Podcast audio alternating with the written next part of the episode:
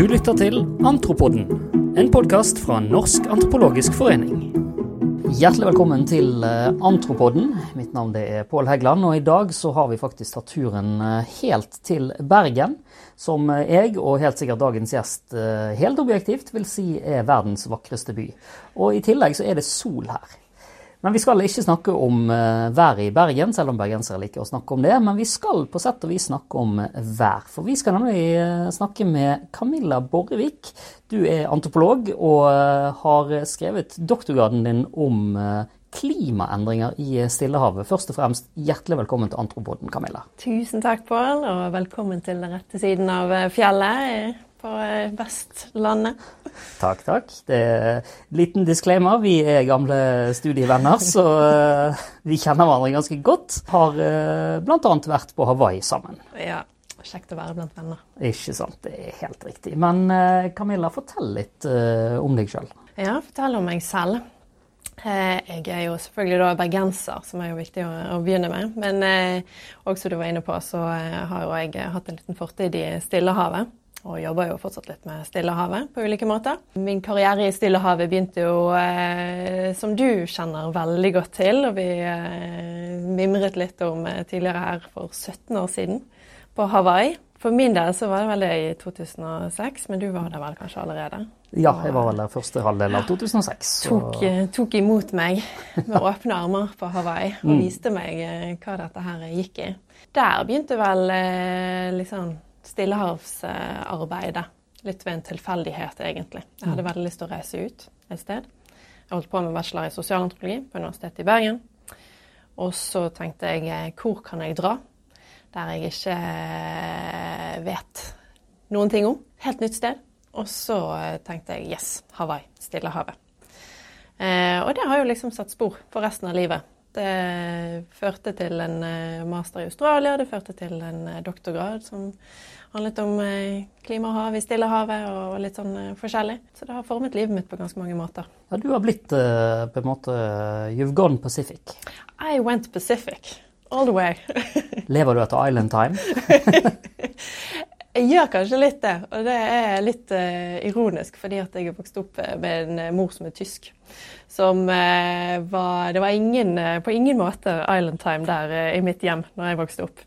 Så det vil si at eh, når jeg flyttet til Stillehavet, så fikk jeg plutselig litt mer fritid. Og det der ekstra kvarteret man faktisk kan bruke, eller kanskje som godt så opp til mot en halvtime, den eh, kan eh, noen ganger være veldig deilig. Mm.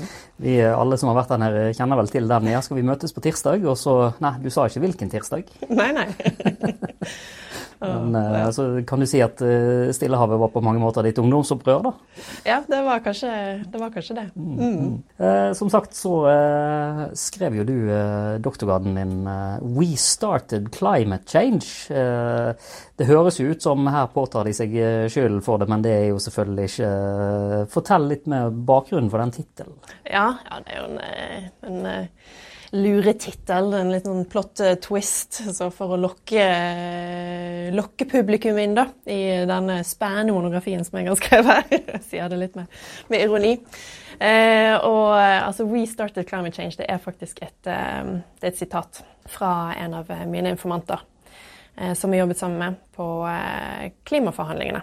Og dette sitatet snakket han, sa han da på COP 21 var det, i 2015 i Paris, der Parisavtalen ble inngått. Og han satt og eh, reflekterte over eh, hvordan stillehavslandene har jobbet eh, de siste ja, 10-15 årene da, med å samle seg omkring klimaendringer som sak.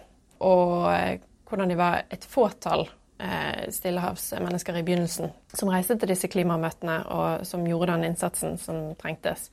Eh, så han refererer det egentlig når han sier 'We started climate change', så handler det om eh, we, som i en eh, Pacific eh, delegation, stillehavsdelegasjon, som på en måte tok tak i den eh, klimasaken da, og førte det fram internasjonalt. Mm. og det det reflekterer også det som eh, ble avhandlingen min etter hvert. Ja. litt ved en tilfeldighet. Ja, for dette er jo land som altså, eh, Selvfølgelig en hel verden merker jo klimaendringen, men dette er jo virkelig en region som har bl.a. følt på dette lenge, og som i mm. tillegg får det veldig tett på kroppen. fordi du har jo bl.a. vært i Mikronesia, der eh, folk bor eh, Det er ikke finse 2022 over havet der. Det er vel knapt nok to centimeter over havet. Så det er klart det at altså en økning i havnivået er jo dramatisk for, for disse landene. Og flere også. altså Melanesia har jo opplevd det. Og, og, du skriver jo litt om på en måte altså, det internasjonale problemet. Er, og som du også sier, på en måte, de har, de har, tatt tak i dette kanskje mye tidligere enn det resten av altså De reagerte raskere enn resten av verden? Ja, eh, de ble i alle fall klar over den enorme utfordringen de sto overfor, kanskje før resten av verden. Mest satt på spissen av dette København-møtet som var vel i 2009, kanskje, mm. tror jeg det var. Eh, som ikke gikk bra. Som, eh, der en avtale ikke ble inngått, og der Stillehavslandet overhodet ikke følte seg hørt for eh, den, de konsekvensene som klimaendringer kommer til å ha i Stillehavet. Og der eh, har jeg gjort eh, feltarbeid som du sier, i Mikronesia, spesielt på Palau, eh, men òg på Salomonøyene og på Fiji. Og reist litt rundt, også på, på Samoa Eh, og deltatt der på litt sånne FN-møter. Og ser liksom dette sammenligningsgrunnlaget. Altså, øyene Stillehavet er jo veldig mange ulike øyer. Eh, veldig mange ulike konstruksjoner av øyer. Altså Livet kan være veldig forskjellig. Du kan være på en eh, Papua Ny-Guinea der det er mm, kjempehøye fjell, sant? der eh, problemstillingen er helt annerledes. Og så kan du være i, på et atoll i Mikronesia, der sant? du har Marshalløyene som er 1,8 eller noe sånt på, på høyeste. Eh, og når det regnes med at FNs klimapanel har vel sagt at i løpet av de neste 100 årene så skal det stige gjennomsnittlig havnivåstigning skal være én meter. Og hvis du har et land som er da 1,8 meter, så går jo ikke det helt eh, opp i opp. I tillegg så har du jo selvfølgelig også eh, ulike regionale forskjeller i havnivåstigning, som gjør at eh, akkurat i det eh, området som eh, for mange mikronesiske øyer og mange av atollene, akkurat der de ligger, så eh, stiger det mer enn gjennomsnittet. Så utsiktene for flere av disse landene er jo ikke gode. Og det har jo enorme konsekvenser eh, hvis man ikke klarer å få ned globale utslipp. Sånn å få ned utslippene til at vi klarer å stoppe stigningen i temperaturer til 1,5 grader. Mm, mm. Og, og, det er jo eh, man, man, kan vel ikke si at det hersker så mye optimisme rundt uh, på en måte dette at uh, man litt har resignert. Men den resignasjonen vil jo ha enormt dramatiske konsekvenser for, for den regionen. altså Bl.a. med form av klimaflyktninger. Det vil jo Australia og New Zealand spesielt merke. da, og Det er ikke noe sånn følelse av å, å kjenne seg kan du si, ofret på klimakampens alter for, for de som bor i denne regionen. Ja, Altså, det å bli en klimaflyktning er jo da siste på en måte løsning, og absolutt verste utfallet som, som kan skje. Altså selvfølgelig det å eh, miste landet sitt totalt. Det er jo en helt eh, nesten utenkelig situasjon. Så det er jo veldig mye forarbeid òg som, som, går i å motarbeide kanskje dette her eh, dommedagsbildet, som jeg tror spesielt media og, og andre for den del altså det, det, det, er en slags dommedag, men, eh, men, de er ikke eh, sårbare passive av den grunn i Stillehavet. Og det jeg så litt på i min doktorgrad, det var å eh, finne denne mobiliseringen som finner sted i Stillehavet blant, blant ulike grupper, organisasjoner, altså NGO-er Eh, blant ungdom spesielt. Eh, det knyttes opp mot eh, altså dette største på en måte ungdomsopprøret eller initiativet som har skjedd siden vi hadde disse grusomme atomprøvesprengningene tidligere for, for en god del år siden, på 60-tallet osv. Altså man ser en utrolig sånn mobilisering og kraft i stillehavslandet nå. Sant? Du har ungdom, men du har òg politikere som Altså klimasaken er på en måte blitt en sånn gjennomsyret Det er bare det er til stede i, i Stillehavet i, i veldig mye Altså nesten, nesten, for mye, da, mm. egentlig. Eh, altså Man kan si på, på hvilket narrativ man ønsker å, å skape, men akkurat den her å, å, motarbeide i alle fall at, at det å bli klimaflyktning, det, at de, de, er ikke passive. De jobber for alt de kan for å mothindre at det skal, at det skal skje. Mm. Eh, som er et utrolig viktig, viktig poeng. Å ta med seg. Ja, for dette er, jo, dette er jo, land som lever i symbiosen med, med havet, og de er jo tilpasningsdyktige, som det vet jo både meg og deg har jo forsket der nede. Og, og du sier jo det i, eh, i, avhandlingen din, at det å, altså, å se altså, tallene, statistikken og alt sammen, det blir så stort. Vi er nødt til å gå ned og se på hva gjør faktisk sånn, sånn som disse ungdommene og dette ungdomsopprøret. Vi, vi, må, vi må se mye mer på, lytte mer til de, da. Ja, absolutt. Eh, og det som er så spesielt med, med eh, ungdomsopprør i Stillehavet, og det vet jo du òg altså i Stillehavet så, så, har jo ungdom gjerne ikke vært de som skal eh, uttale seg for fritt. Altså det er der eh, generasjonsrespekten for generasjonen og de eldre. Det er de eldre som sitter med, med kunnskap og du skal alltid respektere dem, og det, det ligger jo selvfølgelig til grunn for noe òg. Men den yngre generasjonen har blitt mye mer eh, liksom, frittalende og på saken, som er veldig interessant eh, å se i seg selv. Altså, det, det er et samfunn eh, i endring, som, som, i alle andre samfunn, i konstant endring, selvfølgelig. Eh, men å se de, de dynamikkene som klimasaken har, har skapt i samfunnet, sosialt, kulturelt, politisk, Eh, de er større enn det man gjerne det, det, er ikke det svart-hvitt. Altså nå, nå, skjer disse naturendringene, og så er konsekvensen eh, er det ene andre. Altså dette, dette, påvirker i mye større grad eh, enn, det, enn, det, man gjerne tror i, i første, eh, ved første øyekast. Mm. Og Det er jo derfor det er så viktig å skjønne, skjønne liksom det som skjer lokalt mm. eh, og regionalt. Mm. For å se egentlig hva, hva, er det som skjer her, og hvordan, hvordan jobber man for å påvirke det som skjer, eller Eh, hvordan oppfatter man, skjønner man, hvordan forstår man det som skjer. Og så, du, du, nevnte jo, eh, du, nevnte jo, Paris, fordi at plutselig så befinner du deg virkelig i begivenhetenes sentrum. Altså fra å være antropolog på feltarbeid, så ja. først så er du på Samoa på et klimatoppmøte der, og så er du faktisk i selveste Paris og eh, på en måte sitter i disse panelene og sånn. altså ja.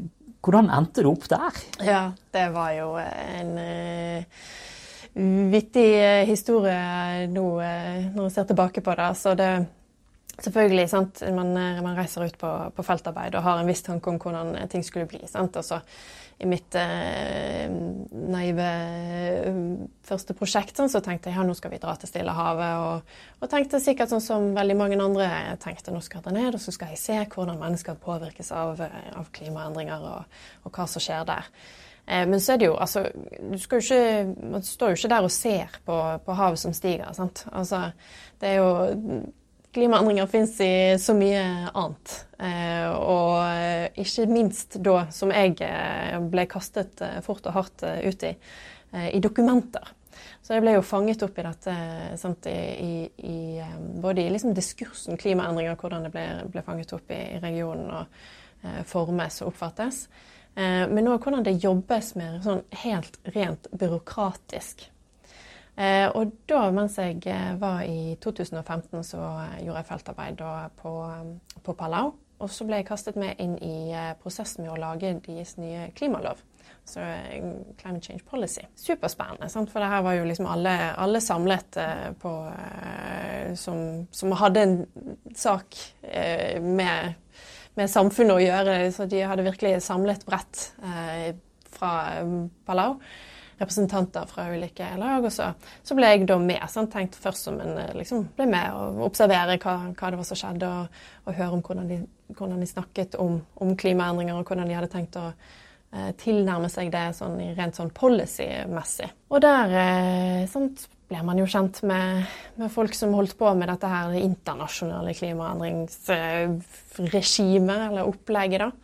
Eh, så jeg eh, holdt kontakt med de, og eh, så et par måneder seinere, i 2015, og jeg akkurat hadde kommet tilbake igjen fra, fra feltarbeid og snakket litt med de, og de sa ja, nei, nå skal vi jo til Paris, og om jeg da var interessert i å, å bli med. Og da tenkte jeg yes, altså jeg blir gjerne med som observatør, sant? så kan jeg henge rundt, sånn som en antropolog gjør.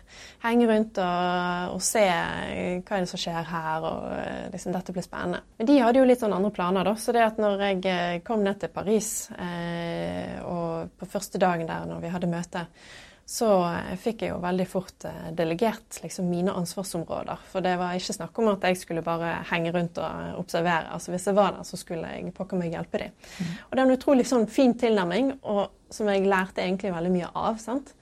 Eh, så hva er antropologens rolle? Det kan man jo spørre seg selv om. Og mm. liksom skal jeg sitte der og se på at noe, noe skjer, eller skal jeg på en måte eh, learning by doing, som mm. er jo absolutt det man, man håper på. sant? Mm. Og da fikk jeg ansvaret for eh, eh, eh det som heter tilpasning, eh, som er en artikkel i Parisavtalen, og så tap og skade, som er en eh, annen artikkel.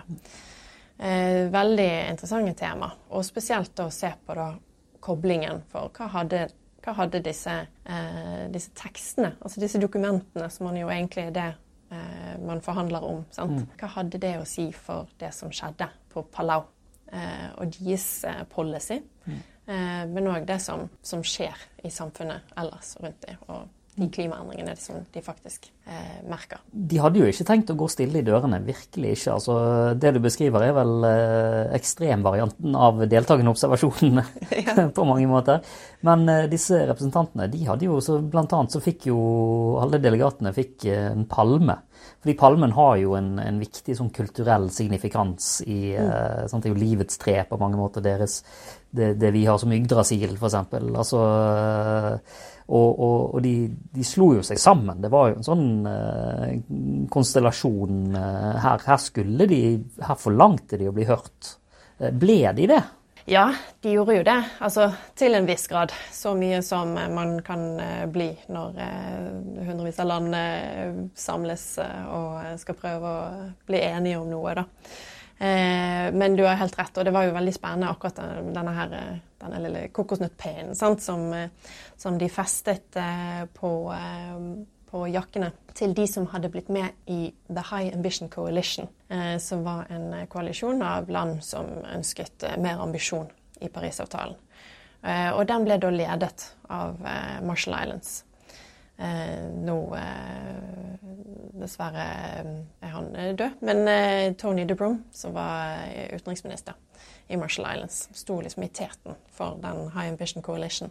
Og de var veldig veldig sentrale i å faktisk få igjennom Parisavtalen, og at den, den faktisk eh, skjedde og tok sted. Så det, eh, og Der var jo også Norge med, og flere andre, Norge òg eh, tok en ganske aktiv rolle. og eh, sant, De jobber jo gjennom altså Forhandlingene er jo òg Man kommer fra et stillehavsland, og så tenker man wow, her er det jo mye, mye å forstå. sant? Altså, vi som har vært der, er jo klar over at eh, helle dussan så uh, kompliserte greier her er. sant? Altså, mm. det, sosiale relasjoner uh, er jo noe helt, helt unikt der eh, på veldig mange måter. altså Eh, og Palau spesielt er jo liksom eh, den mest overstyrte staten eh, Det har kalt det en antropolog som kalte det den mest overstyrte staten i verden. For der har du liksom Du har, du har politikere, du har liksom et, et, demokratisk valgt system, og så har du også i tillegg liksom det tradisjonelle systemet som man jo ser igjen i veldig mange andre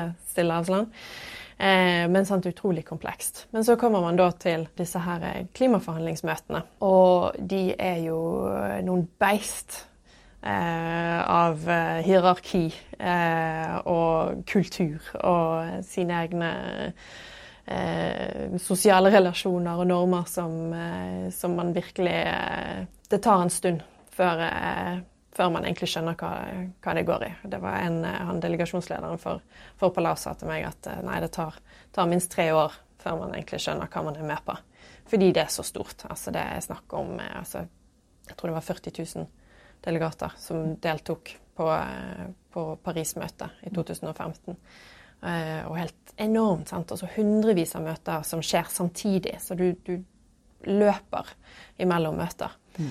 Eh, og, og, for en stillehavsdelegasjon så, så er jo det vanskelig å på en måte være alle disse steder mm samtidig, som var også en god grunn til at uh, de tenkte OK, Camilla skal være med. Ja, men da får du jobbe for, uh, jobbe for saken. Ja, for, og, og, du har jo blitt uh, bl.a. beskrevet til å ha en ekstrem rettferdighetssans. Det, det vet vi jo sjøl. Altså, var det denne rettferdighetssansen som på en måte spilte inn uh, i 'nå skal jeg pokker meg gjøre en forskjell'? Ja, ja, nå hører jeg at du har gravd dypt i ting som er blitt sagt, ja. Jo da, det er vel kanskje en rettferdighetssans der. Altså, det er jo selvfølgelig en sånn fin balansegang mellom å sånn, ta den aktivist-forskerrollen, men jeg vil absolutt ikke si at jeg er aktivist, da. Men det å iallfall Jeg hadde litt sånn sjokk egentlig når jeg begynte på, på doktorgraden, og selv egentlig forsto omfanget av klimaendringer.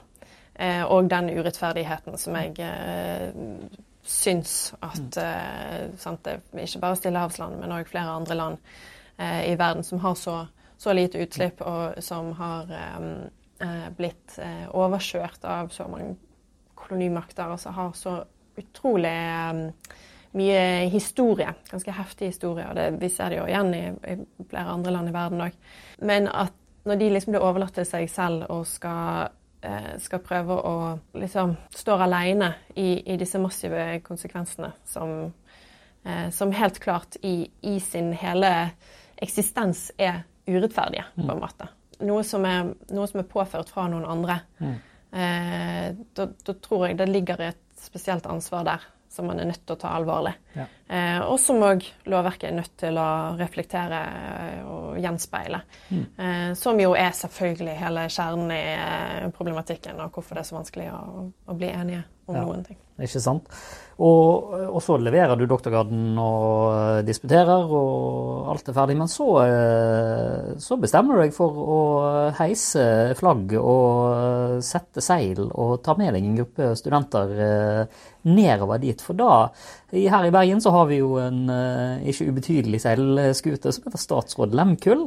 Og da klarer du rett og slett å få statsråden til å seile jorden rundt, nesten, ned til, eh, til, Og du tar med deg en gruppe studenter. Fortell litt mer om, om denne reisen. Liker at du sier at det var meg som klarte å, å, få det til. Jeg skulle likt å tro at det var sant. Men det var veldig mange andre som, som, var involvert i det, og som virkelig gjorde en innsats for at det skulle skje. Men altså, ja, Statsråd Lehmkuhl, du nevnte det. altså Det er jo et nydelig, et nydelig skip, og noe som jeg selv eh, vokste opp med. Å se her, Bryggen i Bergen. sant? Altså Alle bergensere, og, og, til og med noen osinger, for de som er fra Os. Ja. Eh, de har jo et forhold til eh, Statsråd Lehmkuhl. Eh, den ligger jo liksom alltid inntil Bryggen, og sant? man var inne i i byen en lørdagsformiddag og gikk med familien og spiste en skillingsboll og skuet utover eh, skipet. sant? Og, så det var jo litt sånn absurd at uh, vi, fikk, uh, vi fikk til den, uh, det prosjektet, da, som rett og slett var et emne i bærekraft. Et tverrfaglig 30 studiepoengsemne, der UiB hadde fire måneder om bord på skipet fra Chile til Palau, seilte de. Fra øst til vest, altså. Eh, og eh, var innom ulike stillehavsland. Og det er jo òg helt absurd at eh, altså når jeg da den gangen, når vi traff hverandre på mm. Hawaii, at det skulle bli en karriere ut av stillehavsengasjement. Mm. Det hadde jeg egentlig aldri sett for meg, selv om det var jo vanvittig spennende. Sant? Så er det jo kanskje et nåløye å få lov til å sitte i Bergen og jobbe med noe som har med noe på andre siden av verden å gjøre, mm. egentlig. Det tror jeg egentlig gjorde det enda mer spesielt å ha med så mange studenter til Stillehavsregionen. Jeg selv var på skipet i eh, nesten seks uker. Og så eh, hadde jeg også ansvaret for eh, et slags utvekslingsopplegg som vi hadde eh, med vårt emne og med The University of South Pacific, som har eh, på en måte hoved, hovedkontor på, på Fiji. Så når skipet da ankom eh, Fiji, så sto jeg eh, klar og tok imot 35 eh, studenter fra skipet. Og så gjorde vi utveksling. og Så gikk 30 studenter fra Fiji. Så gikk de om bord, og så fikk de seile i, i, noen uker. Mens jeg mm. hadde mine studenter da, på land på Fiji. Og der, altså Målet var jo å se på bærekraftsemnet. Bærekraft er jo så mye, og det er veldig, veldig i veien akkurat nå.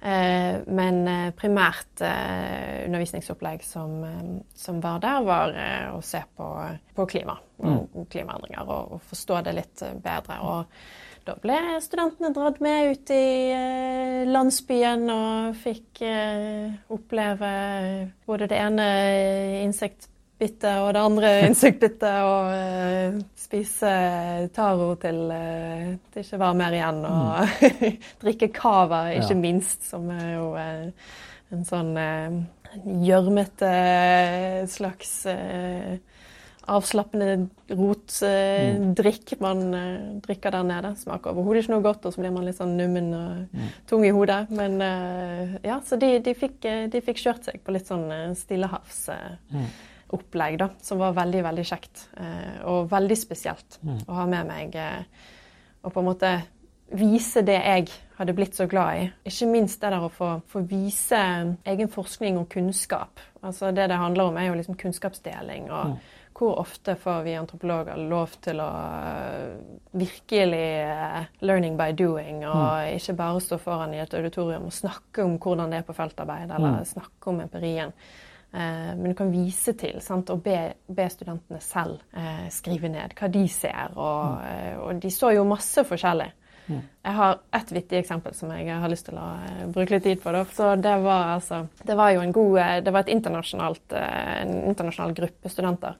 Så det var ikke bare studenter fra, fra Norge. Det var fra mange ulike land, men bl.a. også eh, Sør-Afrika. Og en av oppgavene som jeg ba eh, studentene ta fatt på, det var en observasjonsoppgave. Sant? De skulle gå til markedet, og så skulle de eh, sitte og se på hva som skjedde eh, i en time, og bare skrive ned sant? observasjoner. Skrive ned det de så.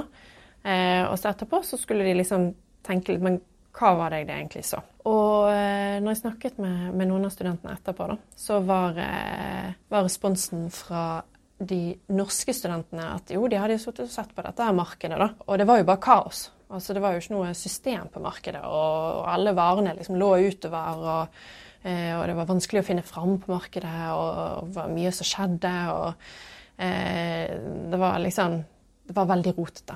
Og så spurte jeg eh, noen av de sørafrikanske studentene ja, hvordan, hvordan så dere på dette markedet. da? Så sa de at eh, nei, dette her var jo et eh, utrolig fint marked og veldig velorganisert. Og eh, maten lå, liksom varene lå veldig sånn fint organisert eh, foran de i disse bodene, da. Eh, så det sier jo litt om liksom man, hvilke øyne man ser, altså denne her the gaze. Sant? Altså hvordan, hvordan blikket ditt blir formet av, av der du er ifra, og, og, og hva man er vant til. Og en veldig god, veldig god øvelse Mm. for å få fram eh, ulike samfunn og kulturer, og hvordan å forstå og lese det som skjer rundt. Mm, for du, du beskriver på en måte noe som flere har beskrevet. altså Også i en tidligere episode så har vi eh, snakket med en som uh, viser film til eh, to forskjellige grupper studenter som tolker dette på helt vidt forskjellige. Og det er jo antropologien, antropologiens natur på mange måter. altså Du fanger virkelig essensen i antropologien med, med det. da, sant? Det er jo et kjempeeksempel, og egentlig noe flere burde ta. altså vi kan jo egentlig bare si kom dere ut av eh, de støvete kontorene og rydd unna bøkene. Og trenger kanskje ikke ta en hel seilskute nødvendigvis, men altså Å, jo da. Ja, Nei da, det er kanskje litt ekstremt å ta, ta det på en eh, på, ta, på et seilskip, men altså det, ja, å gjøre det i mindre format, det har du helt rett i. altså. Så skal dette gjentas?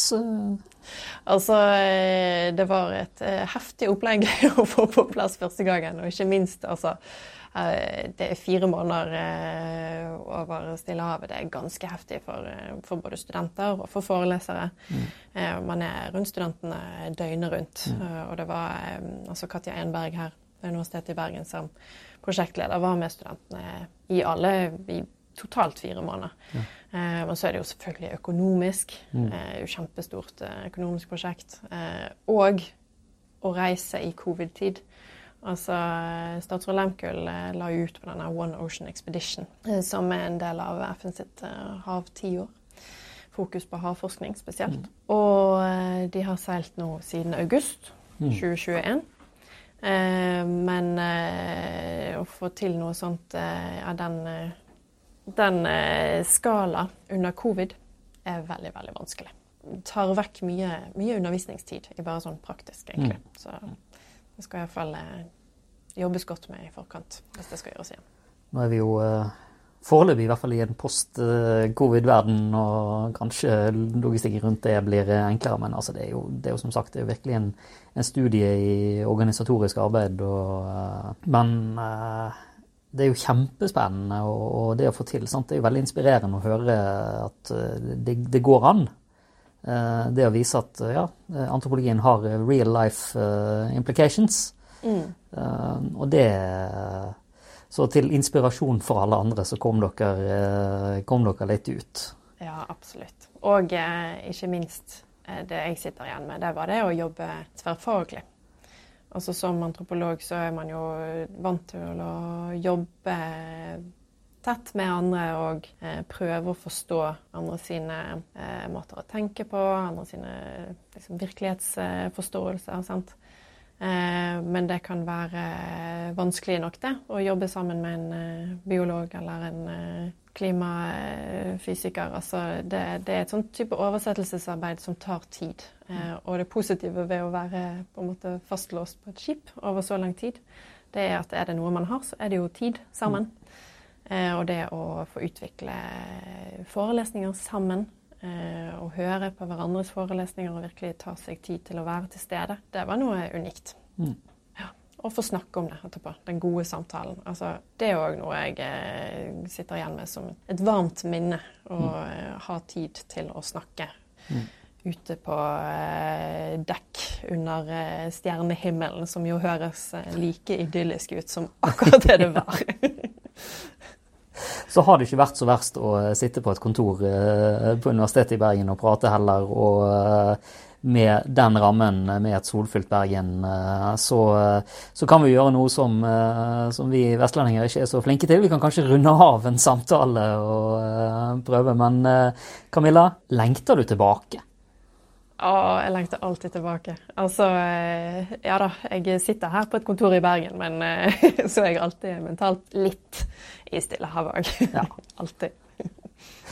Da sier jeg tusen takk for at uh, du var med i Antropoden. Dette var uh, kjempenyttig å, å, høre, og jeg anbefaler alle å lese avhandlingen din uh, We Started Climate Change. Og så kan vi jo håpe at dette været holder seg, ikke minst for dere som er mer fastboende her borte. Og så er det veldig deilig at vi som er på besøk, kan få, få oppleve det òg. Så Camilla, tusen takk for at du var med. Tusen takk, Pål.